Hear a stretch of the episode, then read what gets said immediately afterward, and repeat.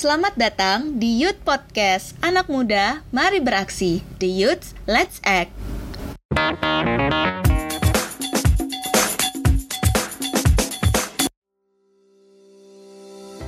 Halo, nama saya Ayok Tariani, uh, akrab dipanggil Ayu.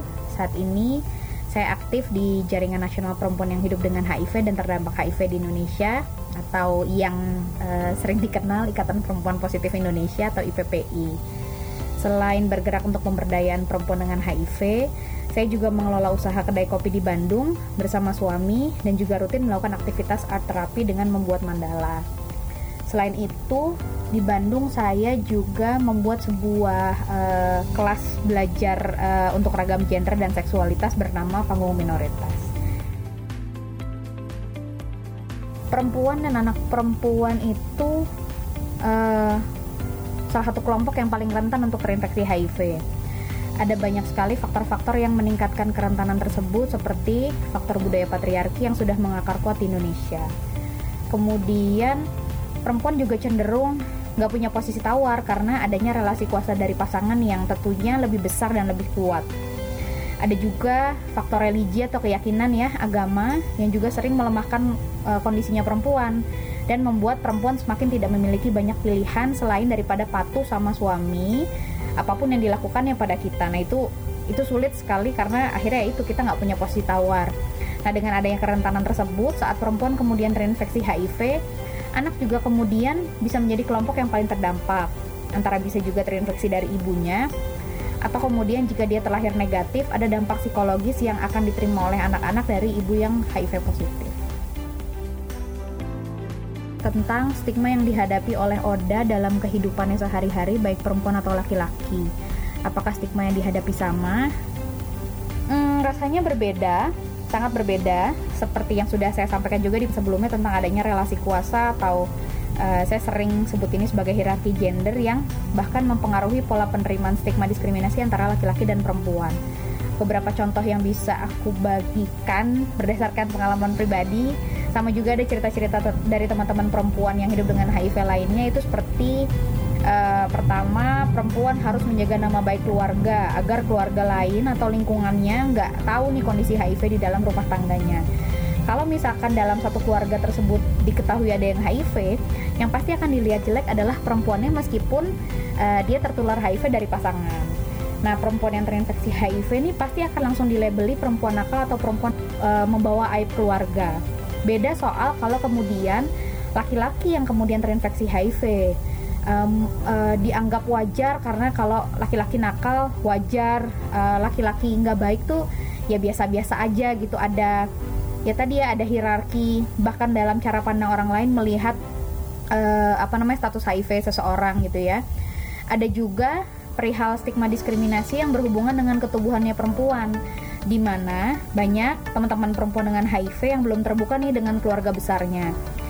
Jadi saat dia belum terbuka terus kemudian dia memutuskan untuk memilih nggak mau punya anak atau kemudian nggak mau nggak bisa melahirkan secara normal nggak bisa memberikan asi mereka akan dijudge gitu. Kan uh, sering dapat uh, apa namanya uh, image buruk kalau perempuan itu uh, belum sempurna kalau secara biologis dia belum melakukan hal-hal tadi gitu meskipun secara medis teman-teman perempuan dengan HIV sangat memungkinkan untuk uh, hamil, kemudian melahirkan normal, memberikan ASI gitu sesuai dengan kondisi tubuhnya. Tapi setiap pilihan yang diambil sama perempuan itu pasti jadi blunder buat dirinya sendiri gitu berbalik menimbulkan stigma, diskriminasi gitu. Uh, apalagi kalau teman-teman perempuan yang hidup dengan HIV nggak punya support system. Tantangan apa yang dihadapi oleh Oda termasuk dalam pekerjaan atau mencari kerja. Tantangannya ada dua sisi ya, dari internal uh, sama dari eksternal. Dari internal Oda itu sendiri adalah biasanya ada persoalan kesehatan dan penerimaan diri.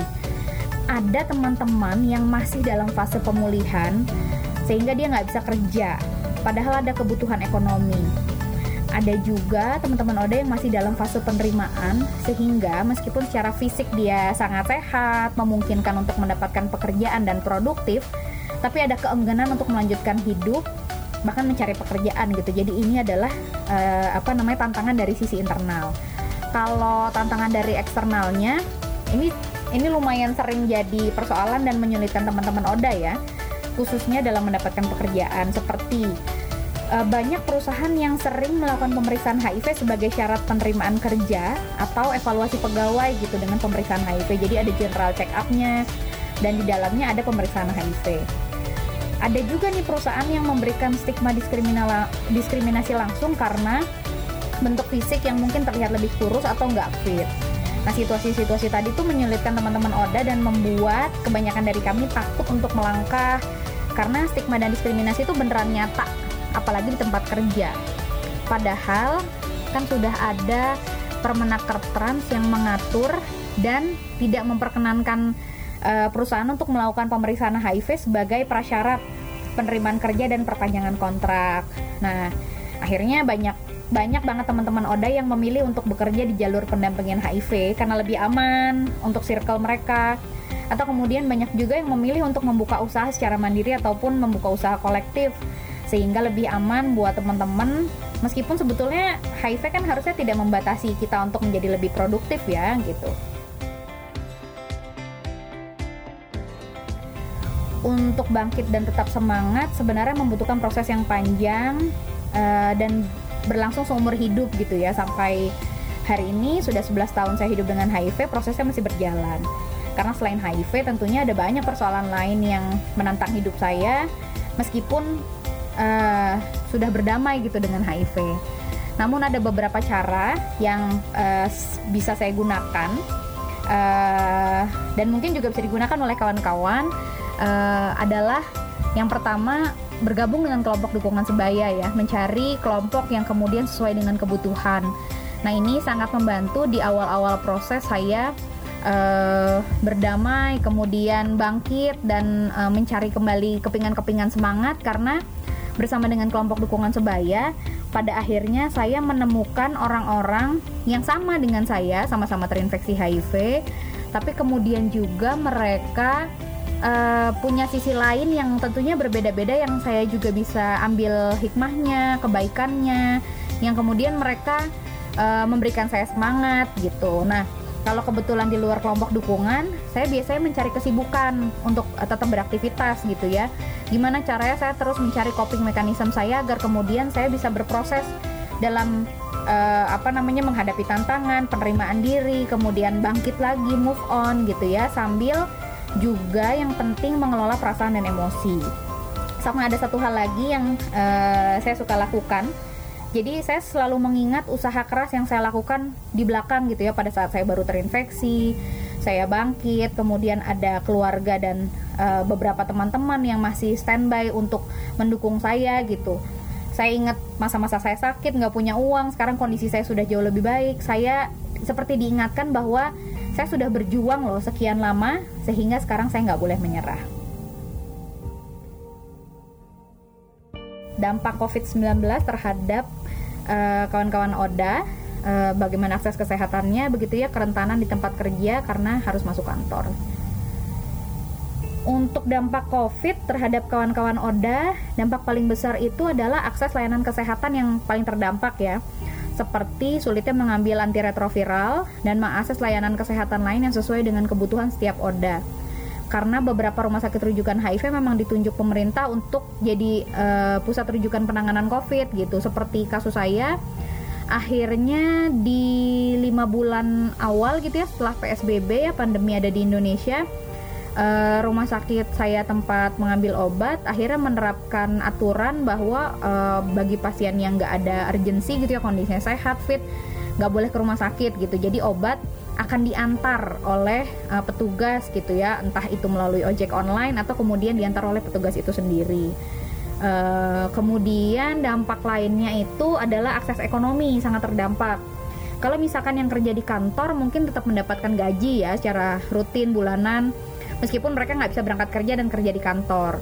Tapi justru banyak teman-teman Oda yang memang uh, yang terdampak tuh justru yang memiliki usaha sendiri gitu seperti mereka menjual makanan atau usaha yang melibatkan masyarakat sebagai konsumennya Nah, kelompok-kelompok ini yang kemudian paling terdampak karena PSBB ya, karena pandemi COVID-19 dan mengakibatkan orang nggak bisa ke mana-mana gitu. Jadi tidak ada demand, nggak ada orang yang beli gitu, nggak ada orang yang belanja usahanya dia gitu. Jadi terdampak banget akses ekonomi dan nggak banyak bantuan-bantuan sosial yang uh, bantuan sosial uh, ada berupa sembako gitu-gitu ya dari pemerintah, tapi uh, tidak cukup uh, memenuhi uh, situasi dan kebutuhannya teman-teman di lapangan. Terus kemudian ada krisis besar juga yang sempat menjadi dampak dari COVID-19 uh, untuk teman-teman HIV secara spesifik adalah karena kebutia eh karena kebetulan uh, ARV kita itu bahan bakunya kan dibeli dari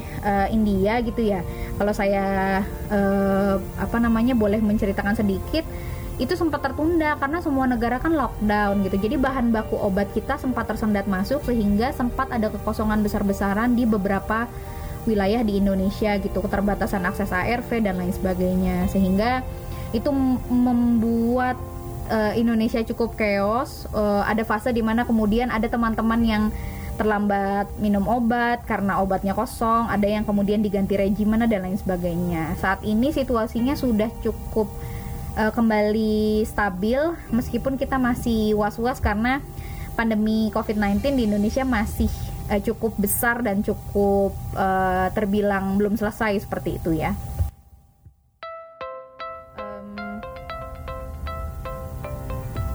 Kita tidak pernah tahu kapan pandemi uh, COVID ini selesai, uh, tapi yang harus kita tahu uh, yang pertama untuk teman-teman Oda ya, teman-teman Oda ini sudah uh, bertarung dengan uh, virus HIV sekian lama. Jadi saya pikir dengan situasi pandemi COVID harusnya kita sudah bisa lebih survive karena kita terbiasa menghadapi kesulitan.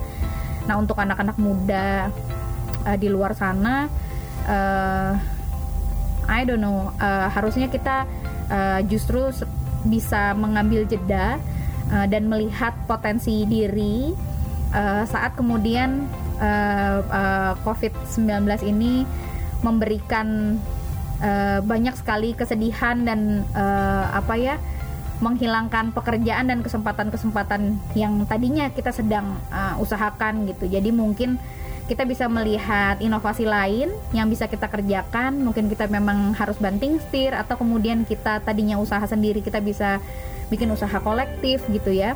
Uh, menurutku kita harus kita harus uh, menghadapi ini bersama-sama nggak bisa sendirian uh, seperti contohnya saya dan beberapa teman-teman akhirnya memang saling uh, mendukung jadi kalau misalkan ada yang punya kebutuhan uh, apa namanya mencari pegawai gitu ya. Saya akan membagikan informasinya kepada teman yang lain.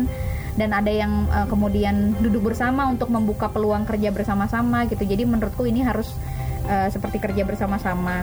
Kemudian untuk teman-teman kelompok rentan yang menghadapi situasi sulit, saya pikir harus tetap waspada dalam situasi seperti ini. Mungkin ada pihak-pihak atau oknum-oknum yang uh, memanfaatkan situasi dan uh, melakukan uh, kegiatan yang berdampak tidak menyenangkan gitu buat teman-teman uh, kelompok rentan gitu mungkin seperti persekusi dan lain sebagainya jadi mungkin harus tetap mawas diri dan support kolektif itu harus tetap dijaga saling bergandengan tangan dan saling ngecek perasaan satu sama lain gitu supaya kemudian uh, kita bisa menghadapi pandemi COVID ini secara bersama-sama. Yang terakhir tentunya ya ini ya menjaga kesehatan, tetap menggunakan masker, tetap menjaga jarak, social distancing ya, uh, mencuci tangan dan uh, menjaga kondisi kesehatan kita sebaik mungkin supaya ya kita bisa menghentikan uh, apa namanya penyebaran COVID mulai dari lingkaran terkecil yaitu lingkaran diri kita sendiri dan keluarga.